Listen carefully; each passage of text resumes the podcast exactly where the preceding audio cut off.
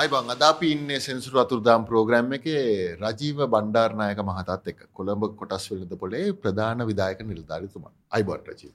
අයිබෝ ඉතින් රජීව අපි කෙලින්ම බැලුවොත්තේම මොකද්ද මේ කොටස් වෙළඳ පොල කියන්නේ? කියන එකෙන් අපි පටන්ගත්තොත් නිර්මාණ ඇත්තෙම්ම ඉතාමත්ම සරලව දැක්කොත් කොටස් වෙළඳපලකින් කරන්නේ රටක ඉතිරි කිරීම් පලදායි ආයෝජනවලට යොමු කිරීම. ඉතින් එක් පැත්තකින් අපි ප්‍රාග්ධන හොයන කට්ටියක් ඉන්නවා.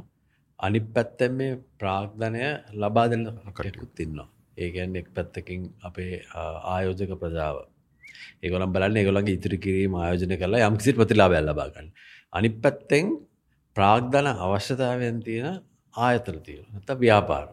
ඉති මේ ප්‍රාග්ධන සම්පාධනයක් තමයි අපි මේ කොටස් වෙළඳ පුරතින් කෙරෙන්නේ. හැබැ මේ කොටස් වෙළඳ පොල තුළ වෙළඳපරෝල් දෙකක් කොපරේට් කරලා එකක් ප්‍රාථමික වෙළඳපල නම විස්තර කරපු මේ ප්‍රාග්ධන සම්පාධනය ඇත්තරම සිද්ධ වෙන්න මේ ප්‍රාථමික වෙළඳ ප්‍රයිමරි මාකට්ේ ප්‍රයිමරි මාකට්ේ ඉතින් පළමු අරට සමාගමක් මහජනතාව වෙත ගිහිල්ලා කොටස් නිකුත් කරලා මුදල් ලබාගෙන ඒ ලබාගන්නා ප්‍රාග්ධනය පලදා යන්දමට තමන්ගේ ආයතන දියුණු කිරීමට වැඩි දියුණු කිරීමට අලුත් කර්මාන්ත බිහි කිරීමට සඳහා යොදෝනු. දැන් ඒකේ වැදගත් ආර්ථික ක්‍රියාවලයක් වෙනවා. ඒ එක්ස්පෑන්ෂන් එකෙන් ඇත්තෙම්ම රැකිරක්ෂා ඇති වෙන දළජාතික නිෂ්පාදනයට රිජු බලපෑමක් වෙනවා වෙනවා. ඉතින් එතනෙන් ආර්ථිකමය වසයෙන් වැදගත් කමක්කුත් සිද්ධ වෙනවා.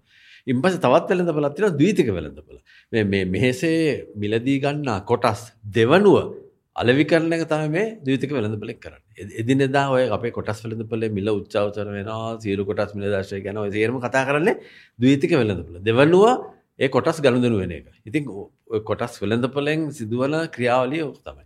දෙවනි දෙවන්නේ වෙළඳ පල තිහනත දීතික වෙළඳ පොලෙකුත් යම්කිසි වැදගත් කාරයක් සිද්ධ වෙන මොකද ඒක ඇත්තෙම්ම ධනය උත්පාදනයක් එතන සිද්ධ වෙලා මොකද ආයෝජකයන් තමන්ගේ මුදල් ආයෝජනය කරලා කොටස් මිලදී ගැන ඒවින් ලැබෙන ප්‍රතිලාබෙන් යම් කිසි ප්‍රතිලාබෙන් ධනය උපීමක්කුත් ඇත්ත සිද්ධ වෙන ඉති මහජනතාවට සැතක්කුත් වෙතනවා විතර අනිවාරයම මංහිත එතකොට මේ මේ වෙළඳ පොල්ලේ තනි පුද්ගලෙන් ඉන්ඩුවිජුවස්ල ඉන්න ගමන්ම ආයතනික මට්ටමෙන් ෝත් ආයෝජකයෝ ඉන්නවනේ ඉන්න එතකොට රජීව දැන් මෙය මේක අපේ පාසැල් පද්ධතිය විෂයකෝෂවල ගොඩක් වෙලාවට මේ ඉතිරි කිරීම ආයෝජනය කියන දේ උගන්නන්න නෑන එතකොට ගොඩාක් වෙලාවට ඕනම පුද්ගලයෙක්ට තියෙනවා තමාට යම් කිසි ධනයක් තියෙනවා නම් මුදලක් තියෙනවා නම් ඒක උපරීම ප්‍රෝජනය ගන්න. ඕන. එතකොට මේ කොටස් වෙළඳ පොල අපි සංසන්ධනය කරද්දි අනිත් මෙවලං එක්ක ආයෝජනය කරන මෙවලං එක්ක මොකක්ද කොටස් වෙළඳ පොලේ තියෙන වෙනස? මොකද මේ මේ ප්‍රෝග්‍රෑම් එක බලාගෙන ඉන්නවා ගම්මට්ට මේ බිම්මට්ට මේ තාරුණ්‍ය. ඒගොලන්ට සමාල්ලාට මේ ගැන ලොකු අවබෝධයක් නැතිවෙන්න පුළුව ඉති අපි ඒ විදියට හිතලා මේකට උත්තරක් ගත්තොත්? ඔව. ඇත්තම ඉස්සල්ලාම අපි මේ ඉතිරි කිරීම හා ආයෝජන කියන එක පොඩි වෙනස්කමත්තියෙන ඉතිරි කිරීමක් කියන්නේ සාමාන්‍යයෙන් තමන්ට එදින්දා ජීවිතට අවශ්‍ය හදිසියකට ලෙඩ රෝඩයක් කන්න පුළුවන් ඉස්පිතාලය යන්න පුළුවන්. එමත් වෙනත් හදිසි ඕමනාවක් සඳහා වෙන් කල්ල තියෙන මුදල් ප්‍රමාණයක්. ඒ ප්‍රතිලාබ ඉතාමත් අඩුයි. උදාහරණයකසින් ඉතිරි කිරීම ගිලුවක දම අපිතන ඉතාමත් අඩු රිටර්න් එකක් එන්න. එකක් එන්න. හැබැයි හදිසියකට ඉතාමත් ෂණිකවයි මුදල් ලබා ගන්න පුළ ආයෝජනයක් කියල කියන්න ඊට වඩා දිගු කාලීනව තමාගේ ඉතිරි කිරීම්ට එක යොදවන තැනක් ඒ ඒ දිගු කාලීන වෙන පරමාර්ථ තියෙන්න්න පුළ සමහල්ලට විවාහ විහාට එන්න පුළුවන් ගයක් හදන් වෙන්න පුළුවන් වාහනයක් ගන්න ඉඩද ඉදි ඉඩකරන් ගල්ල ඉඩ ප්ලෑන් එකක් තියෙන්න්න පුළුවන්. තමන්ගේ ළමයින්ගේ අධ්‍යාපන කටයුත් සඳහා මුදල්වයන් කරගන්න පුළුවන්. හැබයි එසෙන්ශලි ඒක දිගු කාලීන කෙරෙන ආයෝජනයක්. දැන් මේ ආයෝජන කිරීමේදී විකල්ප මාර්ග කීපයක් තියෙන ඉඩමක් ගන්න පුළුවන් රත්තරංගොල ඉන්නස් කරන්න පුළුවන් බාණ්ඩාගාරික බිල්පත්‍ර ගන්න පුළුවන් බැංකු ස්ථාවර තැන්පොත දාන්න පුළුවන් කොටස් වෙළඳපොළට ඇතුළත් වෙන්න පුළුවන්. ඉතින් ඒ වගේ විකල්ප මාර්ග තියෙනවා. දැන් මේ විකල්ප මාර්ග වලින් එකක් තමයි කොළඹ කොටස් වෙළඳපොලේ කොටස්වල මුදල් ආයෝජනය කිරීම. දැන් මේ වෙනස්කම තියෙන්නේ සාමාන්‍යයෙන් කොටස් වෙළඳපොලක් ගත්තාම හරියට සමාගමත් තෝරාගෙන හරියාකාර වාජනයක් කරොත් දිගු කාලීනව හොඳ ඉහළ ප්‍රතිලාභ ලබන්න පුළුවන් මාර්ගයක්. මොකද කොටස්වල ආයෝජන කරලා කරනවා කියලා අදහස් කරන්නේ යම්කිසි සමාගමකේ සමාගමක ග්‍රෝත් එකට එහෙම නැත්නම් වර්ධනයට තමත් හිමිකාරෙක් වෙන එක. ඉතින් ඒ ඒකමක සමාගම් තෝරාගම ගැනීම වැදගත් වෙනවා හරි සමාගමක ආයෝජනය කොරොත් දිගුකාලීනව වැඩි ප්‍රතිලාභයක් ලබා ගන්න පුළුවන් මාර්ගයක් හැටියට තමයි කොටස් වෙළඳපොළ දකින්නේ. වැදගත් වචනයක් එතන දිගුකාලීනව. මම ඒ ඒ තැනට තව ටිකකින් එන්නම් රජි.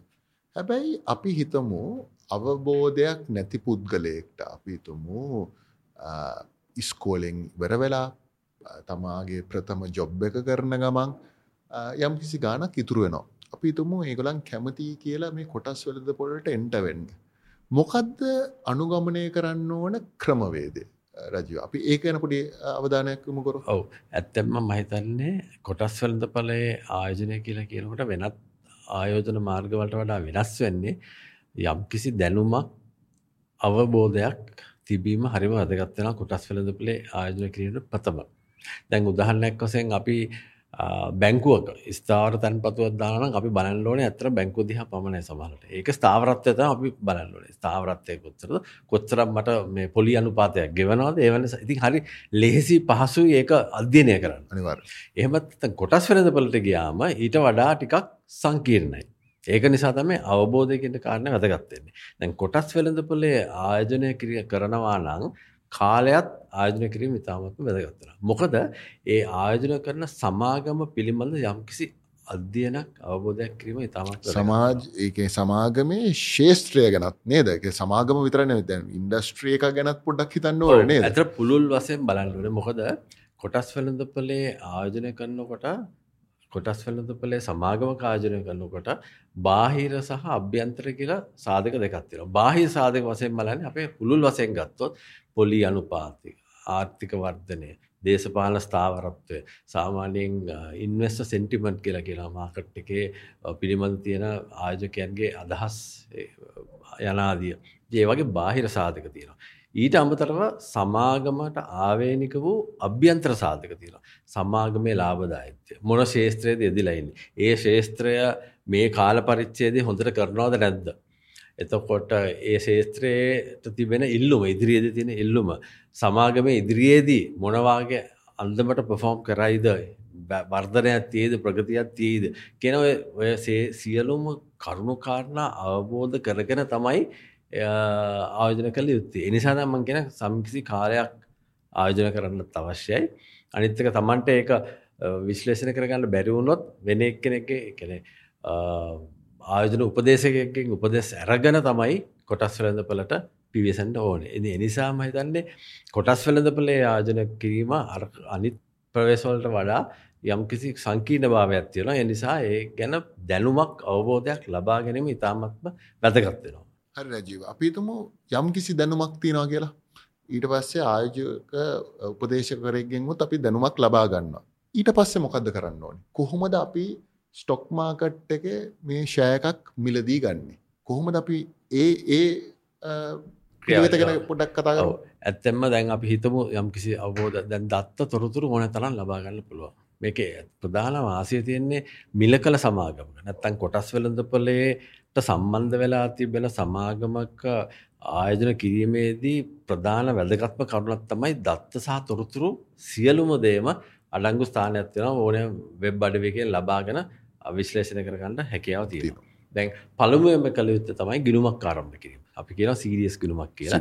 මධ්‍යම තැන්පතු ක්‍රමේ සීඩියස් ගිණුමක් ආරම්භ කරන්න පුළුවන්. අනිත් එක දැන් අවකාශය තියෙනවා මේ මොබයිල් ෆෝන් එක පාවිච්චි කරලා Tamanට ඉඳගෙන ඉන්න තැන ඉඳලා මුළු සියලු කොටස් වෙළඳපොළ හා සම්බන්ධිත සියලු කාරණා ටික ඉවර කරගන්න පුළුවන්. ඒ කියන්නේ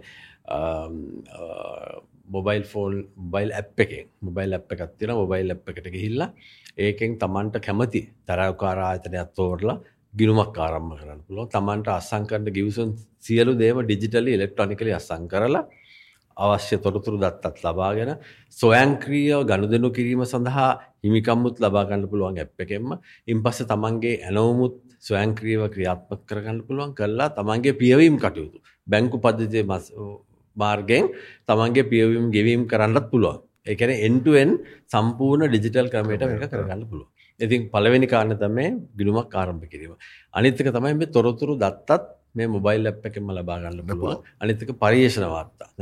තරවකාර සමාගම් සමාගම් පිළිබඳ පරිේෂණ රිසර්ච් රිපෝට්ස් නිකුත් කරනවා. ඒ රිසර්ච් රිපෝට්සුත් ලබාගන්න පුළුවන් ඇ් එක ඉති යම්කිසි හොඳ දැනුමක් අවබෝධයක් ලබාගන්න ටූල්ස් ටික සේරම තියෙනවා. ඊට අමතරව මයිතර තාක්ෂණයක ඉතාමත් වැදගත්වෙන තාක්ෂණය උපරිම පාච්චි කරන පොද තාක්ෂණය වසයෙන් දැන් අපිට වෙනස් ගොඩක් සොෆ්ෆෑස් තියෙනවා. ඒ සොෆ්ෆෑස් වලින් කොටස්වල මිල උච්චාවචනය සහ කොට සඳුනා ගැනීම සහ විශ්ලේෂණ කිරීම ගොඩක් ටූල්ස් තියෙනවා. ඒව පාවිච්චි කරලා ඊට වඩා හොඳ අවබෝධයක්කුත් ලබාගන්න දැන් ඉඩකට තියෙනවා. ඉතිං මහිතන්නේ අර පසුබිම සකස්සලා තියෙන්නේ එ තොරතුරු දත්ත පාවිච්චි කරලා බුද්ධිමත් ආයෝජනයක් කර ගැනීම සඳහා මේ පසුබිමත් තියෙනවා දැන්. ඕ මහිතන මේ සෙනසු රතුරදාම් ප්‍රෝග්‍රෑම් එක බලංගන්න ප්‍රේක්ෂකන්ට දැන් තේරණ ඇති කොහොමද මේ ක්‍රමවේදය කියලා කොළඹ කොටස් වලන්න පොලට එන්ට වෙනවන කරන්න ඕනෑ ක්‍රියාපිළිවෙත. රජි මංආසටිකක් වෙනත් විදිකට මේ මාතෘකාව ගෙනියන්ට. ලොකු සමාජය කතිකාවතත් තින මන්දක ළඟදි සමාජ මාධ්‍යජාලයකත් මේගේ පෝස්ට් එකක් කමෙන්ට් ඇත් දාලා තියෙන මේ කොළඹ කොටස් වලද බොල කියන්නේ මාෆිය එකක්. කීප දෙනෙක් විතරක් එකතු වෙලා ඒගොලන්ගේ ආර්ථික ක්‍රමවේදය දියුණු කරගන්න තියෙන මාවතක් කියලා. මේකද යථාර්ථය රජීව. නෑ ඇත්තම දැන් කොටස් වෙලද පලක් ගත්තම ඕනෑ කෙනෙක්ට සම්බන්ධන්න පුළුවන් ස්ථානයක්. දැනට අපි කොටස් වෙලඳ පලේ සීඩියස් ගිරුම් ලක්ෂ නමයක් විතර විවෘත කරලා තියෙනවා. ඒවාගේ ප්‍රමාණයක් ඉන්නවා. අඩු තරමින් එක කොටසක් හරි තියෙන පෝට් ෆෝලිකත් තියෙන කට්ටින්නවා දෙලක්ෂ හැට දහක් විතර. ඕනෑම වෙලාවක මාසයක් ගත්තම අඩුතරමින් 50000ක් පමණ කට්ටිය ඇක්ටිව් කියලා. එහෙම නැත්නම් ගනුදෙනු කරන ප්‍රජාවක් ඉන්නවා ඕනෑම මාසයකට 40000කුත් 50000ක් අතර. ඉතින් මේ සුළු දෙනෙක් කීප දෙනෙක් කියන කතාව ඇත්තටම පිළිගන්න අමාරුයි.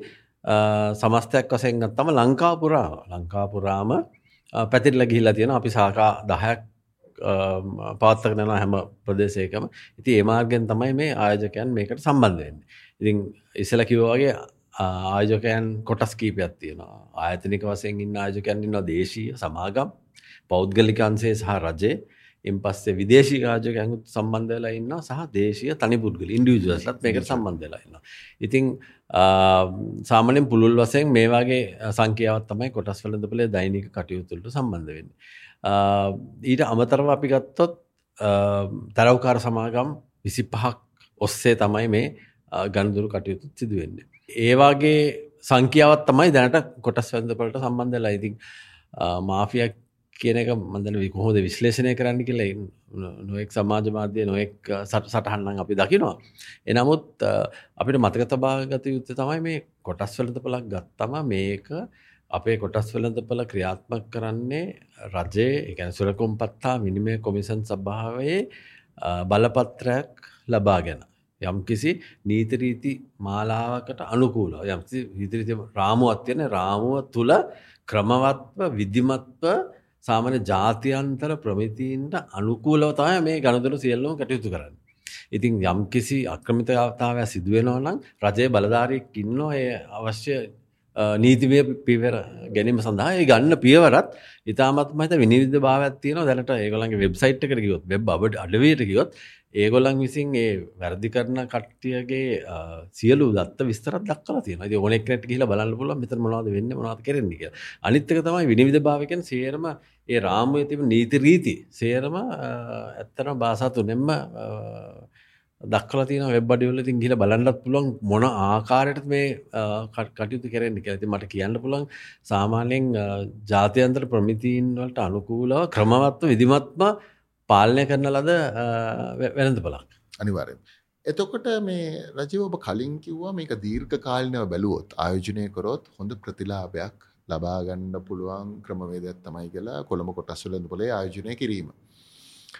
දැන් අපි දන්නවා දෙදස් දහනමේ ඉඳං අපිට විවිධාකාර වූ ප්‍රශ්නාව අපිට පාස්කු ප්‍රහාරයාව කෝවිඩ් වසංගතයාව ආර්ථික අර්බුදයාව එතකොට මේ ඔක්කොමත් එක්කම සමාගම්වල ඒගොලන්ගේ ප්‍රගතිය ඒගොලන්ගේ වර්ධනය යම්කිසි පසු බෑමකට ලක්වෙන්න පුළුවන්.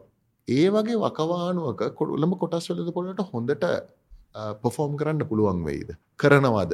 කියන ප්‍රශ්නය ගොඩක් අය නගනවා. මොකක්ද ඔබට ඒකට දෙන්න තියෙනවා. ඔව ඇත්තම දැන් අපි කොටස් වෙළඳපොලේ පෆෝමන්ස හෙමත්තන් ක්‍රියාකාරිත්ම අවුරදු හතර පහ දෙස දැක්කොත් දෙදස් විසියකේ වර්ෂය තම හොඳම වර්ෂය.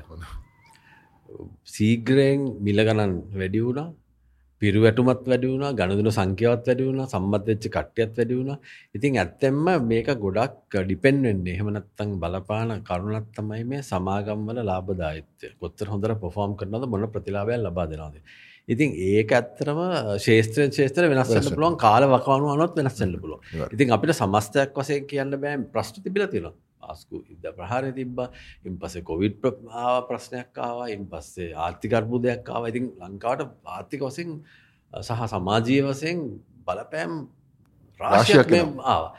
හැබැයිති සමාගම්මුත් මහිතන්නේ ඒවට හොඳට තියෙන ඇත්තම සමාගම්බල ලාබදායිත්‍ය දිහා බැලුවම දැන් මේ සමාගම් දෙසි අනුවක් දැන්ට සම්බන්ධලව කොටස් වෙලත් මම කියන්න හැම සමාගමකම ආයෝජන කරන්න සුදුසුයි කියලා. හොඳින් පවත්වාගෙන යන සමාන තියෙන සමහට අලාභ ලබන සමාගම් තින එකයි ඉතාමත් අදගත්තරම සමාගම් තෝරලා බේල්ලා ඒ සමාගම් වල හරියාකාරව ආයෝජනය කිරීමට වැදගත්තේ සමාගම් කොටස්වල.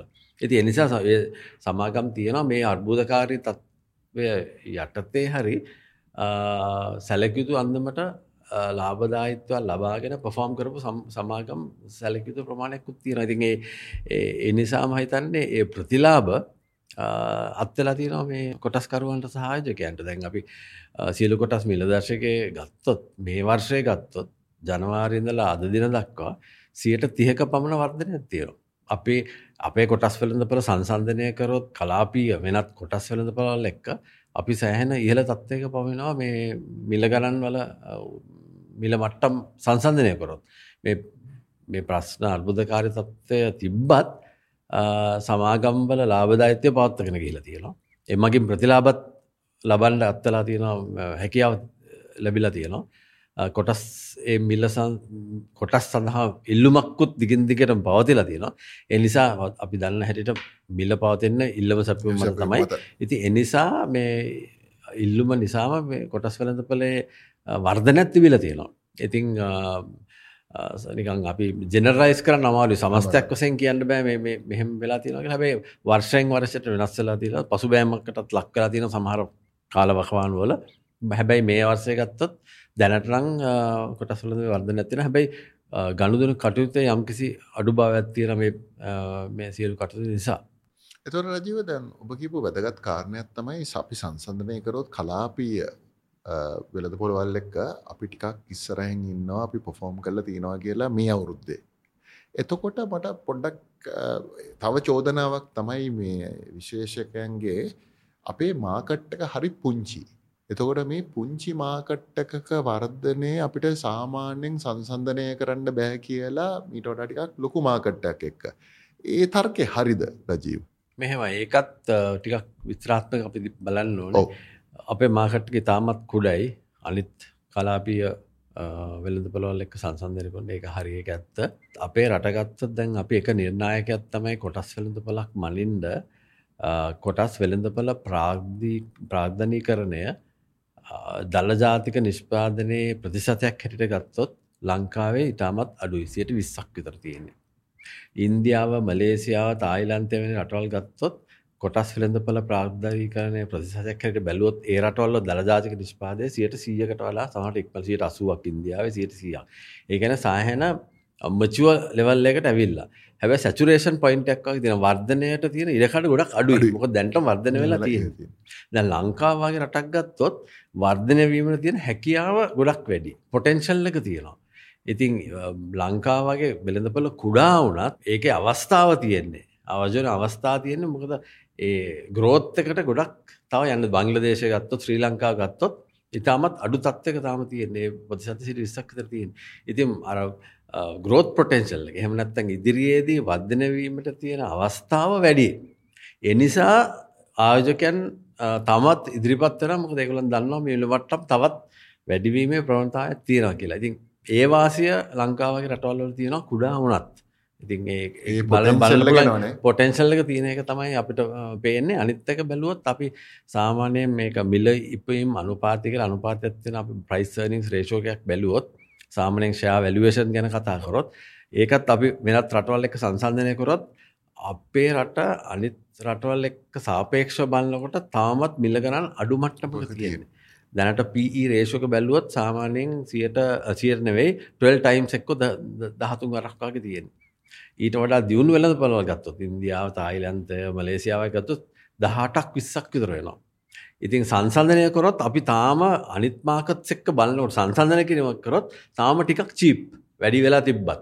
ඉතින් එතරම් පොටෙන්ෂල් එකක් නැත්තම් වර්ධනයේ අවස්ථාවක් ආයෝජකයන් දකින. මං හිතන්නේ විදේශ ආයෝජකයන්ට මේක හොඳ අවස්ථාවක්. මොකද ඩොලර් එකේ මේ මිලත් එක්ක ඒගොල්ලන් ඔය කියන විදිහේ අඩු මිලකට ඒ කොටසක් ගත්තොත් මේ කියන පොටෙන්ශල්ල ගත් එක හොඳ ප්‍රතිලාභයක් ලබන්න පුළුවන්.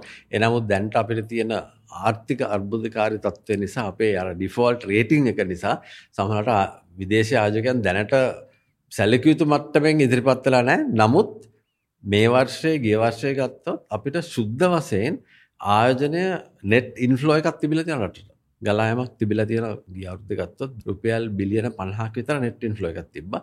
මේ අද ඊට අඩුයි බිලියන 10ක් පමණ තියෙනවා. එනමුත් තාමත් ආයෝජකයන් ඉදිරිපත් වෙලා තියෙන විදේශ විදේශ ආයෝජකයන් යම්කිසි මට්ටමකින් කොටස් වෙළඳපොලේ දායකත්වයක් දෙන්න. රජීව එතකොට අපේ ලංකාවේ මේ කොටස් වෙළඳ පොලට ගෝලිය ආර්ථිකයේ බලපෑම් කොයි විදිහටද බලපාන්නේ? අපි දන්නවා දැන් රුසියාවයි යුක්‍රේනයේ යුද්ධය. අද පලස්තීනයේ තියෙන ප්‍රශ්න. ඒ වගේව ගත්තොත්තේම එතකොට එමරිකාවෙත් අපි දන්නවා ගොඩක් වෙලාවට ආර්ථික ගැටලු ගොඩක් තියෙනවා. චීනෙත් ඒ වගේ. ඒක කොහොමද අපේ ආර්ථිකයට රිජු බලපෑමක් ඇති කරන්නේ? ඒ වගේම කොටස් වෙලද පොලට ඒකේ තියෙන වර්ධනයට මොකක්ද තියෙන බලපෑම? ඇත්තම මටනම් පේන්නේ වක්‍රාකාරව තමයි රිජුව බලපෑමන් නෑ දැන් අපි දියුණු කොටස් වෙලද පොළවල් ගත්තොත් ඒගොල්ලන්ගේ ගෝලිය වසයෙන් තිබෙන සම්බන්ධකම් ඉතාමත්ම ඉහලින් පවතින්. විදේශී ආයෝජනත් ඉහළ මට්ටමක පවතින්න. ඉතින් මහිතන ඒ වෙළඳ පොළවල් මේ ලෝක වෙන සිද්ධීන් වලට ඉතාමත්ම සංවේදී. අපි ඊට වඩා ඉතාමත් අඩු තත්ත්වයක තියෙන්නේ. අපේ දැනට ගත්තොත් අපේ විදේශීය දායකත්වය මුළු කොටස් වෙළඳපොලේ පිරිවැටුවීම් දැන්ට තියෙන 10ක විතර ප්‍රමාණය. ඉතින් එතරම් ලොකු බලපෑමක් වෙන්නේ නැහැ මේ ලෝකයේ වෙන සිද්ධීන්. ඍජුවම නැහැ බට් වක්‍රව තියෙනවා. මොකද වක්‍රව තෙල් මිල ගණන් වැඩි වෙනකොට සප්ලයි චේන් ෆෙක්ටනකොට අපේ සමාගම්වලට ඕවා බලපායන්න පුළුවන් ඊට පස්සේ ඒක ලාභදායත්‍රත් ඇවිල්ලා වක්‍රාකාරව ඒක අපිට බලපාන්න පුළුවන්. එනත් ඍජුව අපිට බලපාන්න. ඒක ඇත්තටම අපේ වාසිය. මොකද දැන් ලෝකයේ ආයෝජකයන් කොටස් වෙළඳ පොළවල් දිහා බලනකොට ඒගොල්ලන්ට ඒගොල්ලන්ගේ අවදානම රිස්ක් එක ඩයිවර්සිෆයි කරන්න ඕනේ වුණාම අපි වගේ මේ වර්ධනය වෙමින් පවතින කොටස් වෙළඳ පොළවල් වලට එනවා. මොකද ඒගොල්ලන්ගේ රිස්ක් එක ඩයිවර්සිෆයි කරන්න පුළුවන්. මොකද අර අර කොටස් වෙළඳ පොළවල් දියුණු වෙළඳ පොළවල්. පළවෙනි ලෝකයේ වෙළඳ පොළවල් සේරම මූව් වෙන්නේ එක ඩිරෙක්ෂන් එක. හැබැයි අපේ කොටස් වෙළඳ පොළක් ගත්තොත් කෝරිලේට් කරොත් ඒගොල්ලන්ගේ මිල කරන්න අපේ වෙනස් විදිහකට අපි හැසිරෙන්නේ. ඉතින් ඒගොල්ලන්ට ඩයිවර්සිෆයි කරන්න විවිධාංගකරණය කරන්න ඕනේ ඒගොල්ලන්ගේ ආයෝජන කලඹ ලංකාවයි කොටස් වෙළඳ පොළවන්ට එන්න පෙළඹෙනවා. ඉතින් ඒක ඇත්තටම අපිට අවස්ථාවක් වෙලා තියෙනවා. මේ වෙන සිද්ධීන් එක්ක අපි සංසන්දනය කරනකොට. හොඳයි රජීව. එතකොට දීර්ඝකාලීන ප්‍රතිලාභයක් ලැබෙනවා වගේම කොටස් වෙළඳ පොලේ ආයෝජනය කිරීමෙන් ආයෝජකයෙක්ට ලැබෙන අනිත් වාසි මොනවද? ඔව් ඇත්තෙන්ම එක කාරණා කියයුතු ඒ අපි ආයෝජන වාසි ගැන කතා කරන්න ඉස්සෙල්ලා මේ අවදානකීම් අවදානම කියන සාධක ඉතාමත්ම වැදගත්. මේ අවදානම කියන සාධකය හොඳින් හඳුනා ගැනීම වැදගත් වෙනවා. දැන් අපේ ජීවිතයෙන් මල් අවදානම කියන සාධකය දැන් එළියට මම ඇවිදගෙනට බස්සයක් බස්ස කැපිල මට නමන් නැතිවෙන්නත් පුළුවන්. ඒ අවධානම කියන සාධකය අපේ ජීවිතයෙන් තුරන් කරන්න බෑ. හැබැයි අවම කරගන්න පුළුව අපි හිතන් නැතුවම කරන එකක් එක. අවධානමකින් සාධක තියෙනවා. හැබැයි ඒ අවම කරගන්න එක තමයි වැදගත්තෙන්නේ දැන් කොටස් වෙළඳපලේ ආජනයේදීත් මේ අවධානම කියන සාධකය තියෙනවා. ඉති ඒ අවධානම හඳුනා ගැනීම ඉතාමත්ම වැදගත් වෙනවා. අවධානම හඳුනාගෙන එය පාලනය කල්ලා කළමනාකරණය කරලා අවම කර ගැනීමෙන් තමයි ඇත්තරම සාර්ථකව අපිට ආයෝජනයක් කරන්න ඇත්තම පුළුවන්ගෙන්නේ. දැන් ප්‍රතිලාභ ගැන කතා කරොත් බොහෝ විට ප්‍රතිලාභ වර්ග දෙකක් තියෙනවා එකත් තමයි ප්‍රාග්ධන ලාභ. ඒකන අද කොටස් වෙළඳපලේ යම් කිසි මිලකට ආයෝජනය කරොත් එ කොට මිල්ල ගණන් වැඩිවීම තුළින් ලැබෙන ප්‍රොෆිට්ට කැමනත්තං ප්‍රතිලාභය තමයි අපි ප්‍රාග්ධන ලාභ කියලා තියන්නේ. ඉතින් බොහෝ විට ද්විතික වෙළඳපොලේ ආයෝජකයන් ලැබෙන ලොකුම ප්‍රතිලාභය තමයි මේ ප්‍රාග්ධන ලාභ එමනත්තන් කොටස් මිල්ලගන්නන් වැඩිවීමෙන් ලැබෙන ප්‍රතිලාභ තමයි බොහෝ විට ආයෝජකයන් බලන්න. ඊට අමතරව සම්මාගම් විසින් ලාබන්සකවන. එකන්නේ සමාගමේ ලබන ලාබයෙන් කොටසක් කොටස්කරුවන්ට වාර්ෂිකව එමනත්ත වසයකට දෙපාරක් ලාබාන්ස වසයෙන් ලබාදන ඒක සාමානයෙන් ප්‍රොෆිට් එකෙන් නැත්තන් ලාබයෙන් ප්‍රතිසතයක් හැටියට කොටස් කරුන් ලබාදන ඉති ඒ දෙක තම ප්‍රධාන වාසී හැටියට අපි දක්වන්නේ ප්‍රතිලාබ වසයෙන් කොටස් වලදපල ආයෝජනය. බදු පිළිබඳ ප්‍රතිලාභයක් ලැබෙනවාද? ඇත්තෙම බදුවලින් නිදහස්. එකන කැපිටල් ගේන්ස් එකක් නත්තම් ප්‍රාග්ධන ලාභයක් නැහැ. එනිසා කොටස් වැදප රිජු බද්දක් නැහැ. එනමුත් රජයට යම්කිසි බද්දක් ඕනේ ගණදුනක් සිදු කරන්නකොට ඒකෙන් කුඩා ප්‍රතිසතයක් රජයට ගෙවනවා වෙන බද්දක් හැට ඒක ට්‍රන්සක්ෂණ කනුවට එහම ගණදුනු කරන්නකොටම ඒ ආය කරගන්න එක ඒක නිසා ආය ඒව ටැක්ස් ෆයිල්ලොල්ට මේ ඇතුළත් කරන්න අවස්ථාවයන්නෑ මොකද ඒ ඒ බද්ධ එතන දෙම ගෙවනවා. එතෝට රජීව අපි දන්න ඔබත් ඔබේ කණ්ඩායමත් මෑත කාලයේදී ලොකු ප්‍රයත්නයක් දරලා තියෙනවා. ගම්මට්ටමේ බිම්මට්ටමට ගිහිල්ලා මේක ප්‍රචලිත කරන්න ප්‍රවර්ධනය කරන්න දැනුම ලබා දෙන්න. ඒ ක්‍රමවේදය ගැන පොඩක් කතා කරොත්? ඔව්. ඇත්තම අපි මේ කොටස්වලඳ පළ ගත්තොත් අවුරුදු 37ක පමණ කෙටි ඉතිහාසයක් තියෙන ඉන්දියාව ගත්තොත් අවුරුදු 150ක විතර සම්ප්‍රදායක් තියෙනවා. අපේ කොටස් වෙළඳ ගත්තොත් ඉතාමත් කෙටි. 1985 තමයි හරි ආරම්භය තිබ්බේ. අපෙත් තිබ්බ ෂෙයාර් ට්‍රේඩින් අවුරුදු 100 ගණන් හැබැයි ඇත්තෙන්ම ඒක කොළඹට සීමා වෙච්ච ඉංග්‍රීසි කතා කරන පන්තියකට සීමා වෙච්ච දෙයක්. එදදාස්නවසේ අසු පහෙන් තමයි මේක ඇත්තෙම ඕනෑම කෙනට සහවාගීමට රජය මැදිහත ඉඩ යුත්තව ඉදිකට තිබේ දැන් අපි සෑහන වැඩකොටසක් කරලා තියෙනවා මේක බාසා තුනෙන්ම මහජනතාවට ගෙනියන්න. අපි සාකා දහයක් පවත්තක යනවා දැනට සෑම ප්‍රාදේශය මට්ටමෙන්. ඉතින් අපි පාසැල් මට්ටමෙන් විශ්වවිද්‍යාල මට්ටම් සහ ආයෝජකයන් මට්ටමෙන් වැඩමුළු පවත්වනවා සැලකයුතුවන්ව දැන් අපි සාමානෙන් අවුරුද්ධකට සම්බන්තන පන්සීයක් පමණ රටපුරාම් පවත්වනවා ආයෝජකයන් දැනුවත් කිරීම සඳහා. ඉතින් ඒ මාර්ගෙන් අපි මේ කොටස් වලඳ පලේ කටයුතු ආයෝජකයන්ට උගන්නලා යම්කිසි දැනුමක් අවබෝධයක් ලබා දෙන එක සැලැස්මක අනුව සෑහන සැලෙකුතු අන්දමකට ආයෝජනයක් කරලා අපි පාත්ත කරනවා.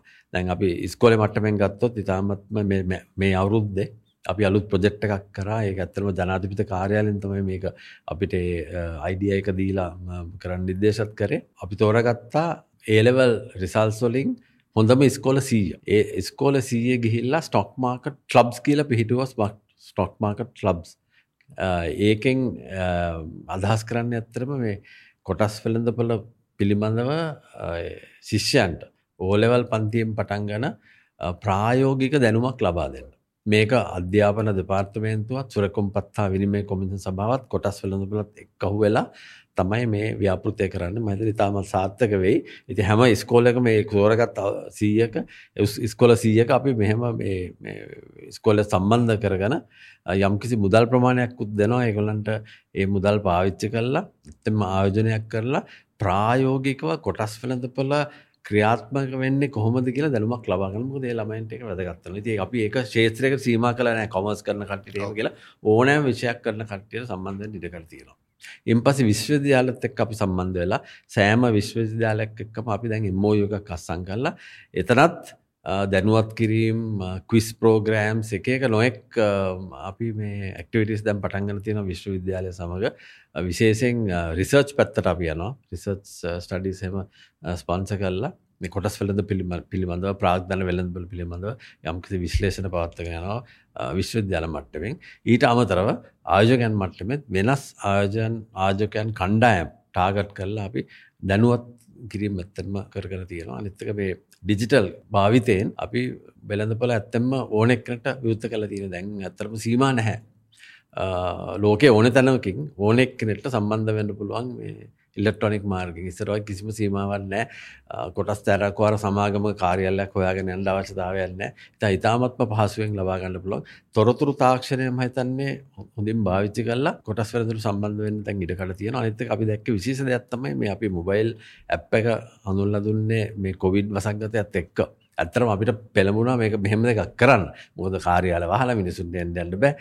මේකෙන් වෙච්චි එක හොඳ ගත්ත හොඳ පැත්තත් තමයි ප්‍රොෆයිල් එක ගත්තම්. අපේ ආයෝජකයන්ගේ ප්‍රොෆයිල් එක ගත්තම සාමාන්‍යයෙන් අවුරුදු පණහා පනස් පහ පැළපු කට්ටය තමයි බහුතරයක් හිටිය. හැබැයි මේ අපි මොබයිල් අප් එක ඉලෙක්ට්‍රොනික් ඩිජිටල් ක්‍රමය හඳුන්නා දුන්නයින් පස්සේ වර්තමාන තත්ත්වය ගත්තොත් දැනට විවුත්ත කරන ගිනුම්වලින් සියට අසුවකට එහා අවුරුදු හසලියට අඩු ආයෝජක ප්‍රජාරම් සම්බන්ධල ඒක මතන සැල්ලකයුතු වර්ධනයක් කොටස්වල ප්‍රදි හබලනකට මොකද අපි තරුණ ආයෝජක ප්‍රජාවක් දැන් කොටස්වදපට සම්බන්ධ වෙලාඉන්න ඒක හොඳ පැත්තක් මොකද ඒගලන් දිගු කාලින ආජ කරන්න ඇතරම් පෙළෙමෙනවා අනිත්තක ඒගොල්ලන් අපි කියන ස්මාර්ට් ඉන්වස්ටර්ස්ලා ඒගොලන් තොරතුරු තාක්ෂණය පාචිකන හොඳර දන්න දත්ත ගැන දත්ත ගැන හොඳර තේරන්න විශ්ලේෂණය කරන්න පුළුවන්.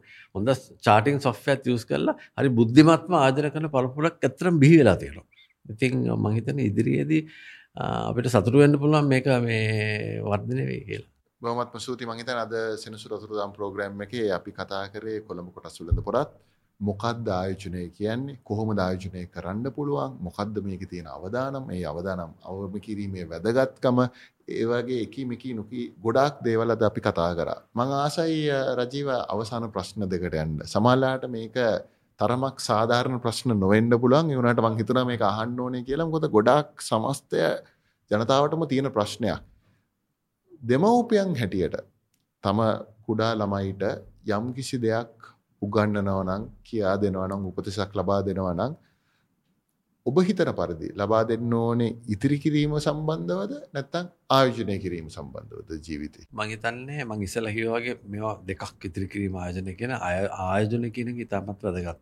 මොකද අපේ ජීවිතේ ගත්තම ආයෝජනය කිරීමේ වැදගත්කම එන්නේ ඉස්සරහට තමන්ගේ ජීවිත සාර්ථකව ගෙනියන්න පුළුවන් වෙන අන්දමට තමන්ගේ මුල්ලමය සුරක්ෂතාව සෙකියෝ කරන එක තමයි ඇත්තැම්ම ආයෝජනය කරෙන් මං ඉස්සර කිවවාගේ දැන් මේ ආයෝජනයක් කියන්නේ ඉදිරියේ පාවිච්චි කර තමන් එක්කොකිම තමා විවාහ වෙන විවාහ කරන්න බලාපොරොත්තුවරන ඒ සඳහා මුදල් අවශ්‍යයි. ගෙදොරක් ගන්න ඉඩමක් ගන්න නම් ඒත් මුදල් අවශ්‍යයි. තමන්ගේ ඉන් පස්සේ දිවිතය තවත් ඉස්සරහට ආවට පස්සේ ළමයින් හිටියම ළමයින්ගේ අධ්‍යාපන කටයුතු සඳහා මුදල් අවශ්‍ය වෙනවා. ඉතින් ඔය හැම කාර්යය සඳහා මම හිතන්නේ සැලැස්මකට අනුව තමයි අපි වැඩ කරන්න ඕනේ. ඉදිරියේ දැන් ඇත්තටම ජීවිතේ ගොඩක් අභියෝග එනවා. ආදායම් පැත්තෙන් උත් අභියෝග එනවා. ඉතින් මම හිතන්නේ කුඩා කාලේ ඉඳලම මේ ඉතිරි කිරීම කියන එක පොඩි කාලේ කරන්න ඕනේ. ඉතිරි කරන්න ඒ සංකල්පය උගන්වන්න ඕනේ. ඉතිරි කරන කියන සංකල්පය උගන්වන්න ඕනේ.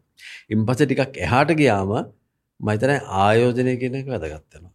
කියන්නේ සාමාන්‍ය ඉස්කෝලේ ඉවර වෙලා එහෙම නැත්නම් ඒ ලෙවල් පන්ති වලට ගිහිල්ලා එනකොට මම හිතනවා මේ ආයෝජන කියන සංකල්පයත් වැදගත් වෙනවා මොකද තමා එළියට ඇවිල්ලා මුදල් උපයන්න පටන් ගත්තම ආයෝජන කියන එක ඉතාමත් වැදගත් මොකද ඉදිරි කිරීම වලට වඩා මොකද දිගු කාලීනව තමන්ට යම්කිසි මුදල් ප්‍රමාණයක් ලබා ගැනීමට දෙන හැකියාවත් තමයි මේ ආයෝජනයෙන් ඇත්තම කරන්නේ. ඉතින් මම කුඩා කාලේ ඉදිරි කරන්න කියලා උගන්වනවා වාගේ ඉන් පස්සේ ආයෝජන කියන සංකල්පය උගන්නන ඉතාමත් වැදගත්තන මොකද අපේ රටගත්තම් විශේෂයෙන් මේ වෙච්ච ප්‍රශ්න ගොඩක් වලට මුල මහිතන්නේ දැනුම අවබෝධය ගොඩක් කට්ටික තිබුන් තිබෙනත් අපි ෆයිනෑශල් ලිට්‍රසි කියල නැත්තම් මුල මුල්ල සුරක්ෂතාවය. ඒ ඒක මහිතන්නේ ජනතාව ඇත්තට තියනක ඉතාමත් වැදගත්ත ලංකා ගත්තම් ඇත අඩු තත්වයක තියෙන්නේ. ඉති මුල්ලම වසයෙන් දැනුවත්වීම ඉතාමත්ම වැදගත්වෙනවා තමන්ගේ ජීවිතවලටත් සමස්ත ආර්ථික වසෙන් රටේ වෙන දේවල්ලුත් මහිතන හඳුනා ගන්න. ඉතින් මහිතන මේ ආයෝජනය කියන එක හඳුනාගෙන ඒ පිළිබඳව අවබෝධයෙන් කටයුතු කිරීම තමත් පදගත්තෙන. හොඳයි රජීව බොහොමත්ම ස්තුතියි අවසාන මගේ ප්‍රශ්නය ඇවිල්ලා අද කොළඹ කොටස් වලින්ද පොලේ මිල දර්ශනයක් තියෙනවා. ඔබ හිතන පරිදි ඉදිරි දිශානතිදියා බැලුවම දේශීය ආර්ථිකයේ අපේ ව්‍යාපාරවල සැලස්මවල් වර්ධනයත් එක්ක තව අවුරුදු 5කින් 10කින් විතර ඔබ හිතන පරිදි කොයිතරම් ලෙවල් එකකට එන්න පුළුවන් ඔපචුනිටියක් අවස්ථාවක් තියෙනවද? ඔව් ඇත්තටම එවැනි අර්ථකථනයක් කරන්න නම් අමාරුයි මිල දර්ශක කොයි ප්‍රමාණයක තියේදි කියලා මම හිතන්නේ මේ මම ඉන්න ස්ථානයේ එහෙම දෙයක් කරන්නත් හොඳ නැහැ කියලා මම හිතනවා. ඒ වුණත් සමස්තයක් වශයෙන් අපි කොටස් වෙනදපළ ගත්තම ඒ කොටස් වලදපල්ලේ වර්ධනයට තියෙන පොටෙන්සල්ලක් ගැන තමයි අපිට ඇත්තලම කතා කරන්න පුළුවන්. එක් පැත්තකින් මම ඉස්සෙල්ලම සඳහන් කරා අපේ කොටස් වලදපලේ කොටස් වෙළඳපොළ ප්‍රාග්ධනීකරණය දළ ජාති නිෂ්පාදයක් හැට ප්‍රතිශතයක් හැට ගත්තම තිබෙන වර්ධනයට තියෙන ඉඩකඩ සැලකියුතු අන්දමින් තියෙනවා. මොනවද අපිට තියෙන අවස්ථා? මේවා තමයි අවස්ථා. උදාහරණයක් වශයෙන් ගත්තොත් අද ලංකාවේ තිබෙන සමාගම් වලින් දැනට කොටස් වෙළඳපළට සම්බන්ධ වෙලා තියෙන සමාගම් 290යි. මම හිතන්නේ දැනට සමාගම් 2500ක් විතර දැනට ලියාපදිංචි වෙලා තියෙනවා. ඒකෙන් 290ක් පමණයි දැනට කොටස් වෙළඳපළට සම්බන්ධ වෙලා තියෙන්නේ. ඉතින් සැලකිය යුතු සමාගම් ප්‍රමාණයක් කොටස් වෙළඳපළට සම්බන්ධ වෙන්න ඉදිරි ඉඩකඩ තියෙනවා. ඒ කියන්නේ වර්ධනය වීමට ලොකු අවස්ථාවක් තියෙනවා. සෑහෙන සැලකිය යුතු අවස්ථාවක් තියෙනවා. අනිත් එක තමයි රජයේ සමාගම් ගත්තොත් දැන් දැන් අපි දන්නවා රීස්ට්‍රක්චරින් එකක් නැත්තම් ප්‍රතිසංස්කරණයක් කරනවා. ඉතින් ඔය රජයේ ආයතන වලටත් අවශ්‍ය වෙනවා ප්‍රාග්ධනය. ණය ප්‍රාග්ධනය සහ කොටස් ප්‍රාග්ධනය. ඉතින් ඉදිරියේදී සමහර සමාගම් කොටස් වෙළඳපොළ තුලින්මුත් ප්‍රාර්ථනා රැස් කර ගැනීමට ඉදිරිපත් වෙන්න පුළුවන්. එතනත් සෑහෙන ලොකු අවස්ථාවක් අපි දකිනවා. ඉතින් මම හිතන කොටස් වෙළඳපොළ සමස්තයක් වශයෙන් ගත්තම වර්ධනය වීමට තියෙන ප්‍රවණතාවය ඉතාමත්ම වැඩි.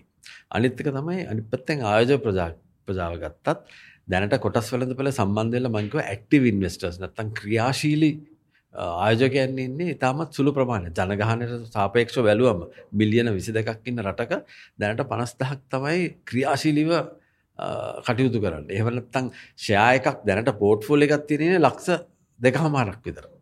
ඉතින් එතනත් වර්ධනය වීමට තියෙන ප්‍රවතාවය ඉතාමත්ම විශාලයි කියලා තමයි අපි විශ්වාස කරන්න. එහෙම බැලුවම කොටස් වලඳපල්ලේ වර්ධනයක් ඇතිවෙනක් ගැන අපි හිතන්න පුළුවන්. හැබැයි ඉතින් මට මිල මට්ටමක් සඳහන් කරන්න මම කැමති නැහැ. ඒ නමුත් ලෝකයේ දැන් අපි 1985 ගත්තොත් අපේ සියලු කොටස් මිල දර්ශකයේ තිබ්බේ 600කට. අද තත්ත්වය ගත්තොත් 10000ක් වගේ ගිහිල්ලා තියෙනවා. ඉතින් අපිට හිතා ගන්න පුළුවන් මොන වගේ වර්ධනයක් ඇති වේද කියලා. ඉතින් මම ප්‍රගතියක් වර්ධනයක් නම් ඇති වෙන එක නොඅනුමානයි. බොහොමත්ම ස්තුතියි රජීව අද දිනේ අපේ ආරාධනය පිළිගැටගෙන කොළඹ කොටස් වලද පොළ පිළිබඳවත් එහි යන ක්‍රමවේදය පිළිබඳවත් ඒ වගේම ප්‍රායෝගික ටිප්ස් වගේක් අපේ ආයෝජකයන්ට ලබා දුන්නටත් බොහොමත්ම ස්තුතියි සෙන්සුරතුදාම් ප්‍රෝග්‍රෑම් එකට ජොයින් වුණාට. අයිබෝන්. අයිබෝන් ස්තුතියි.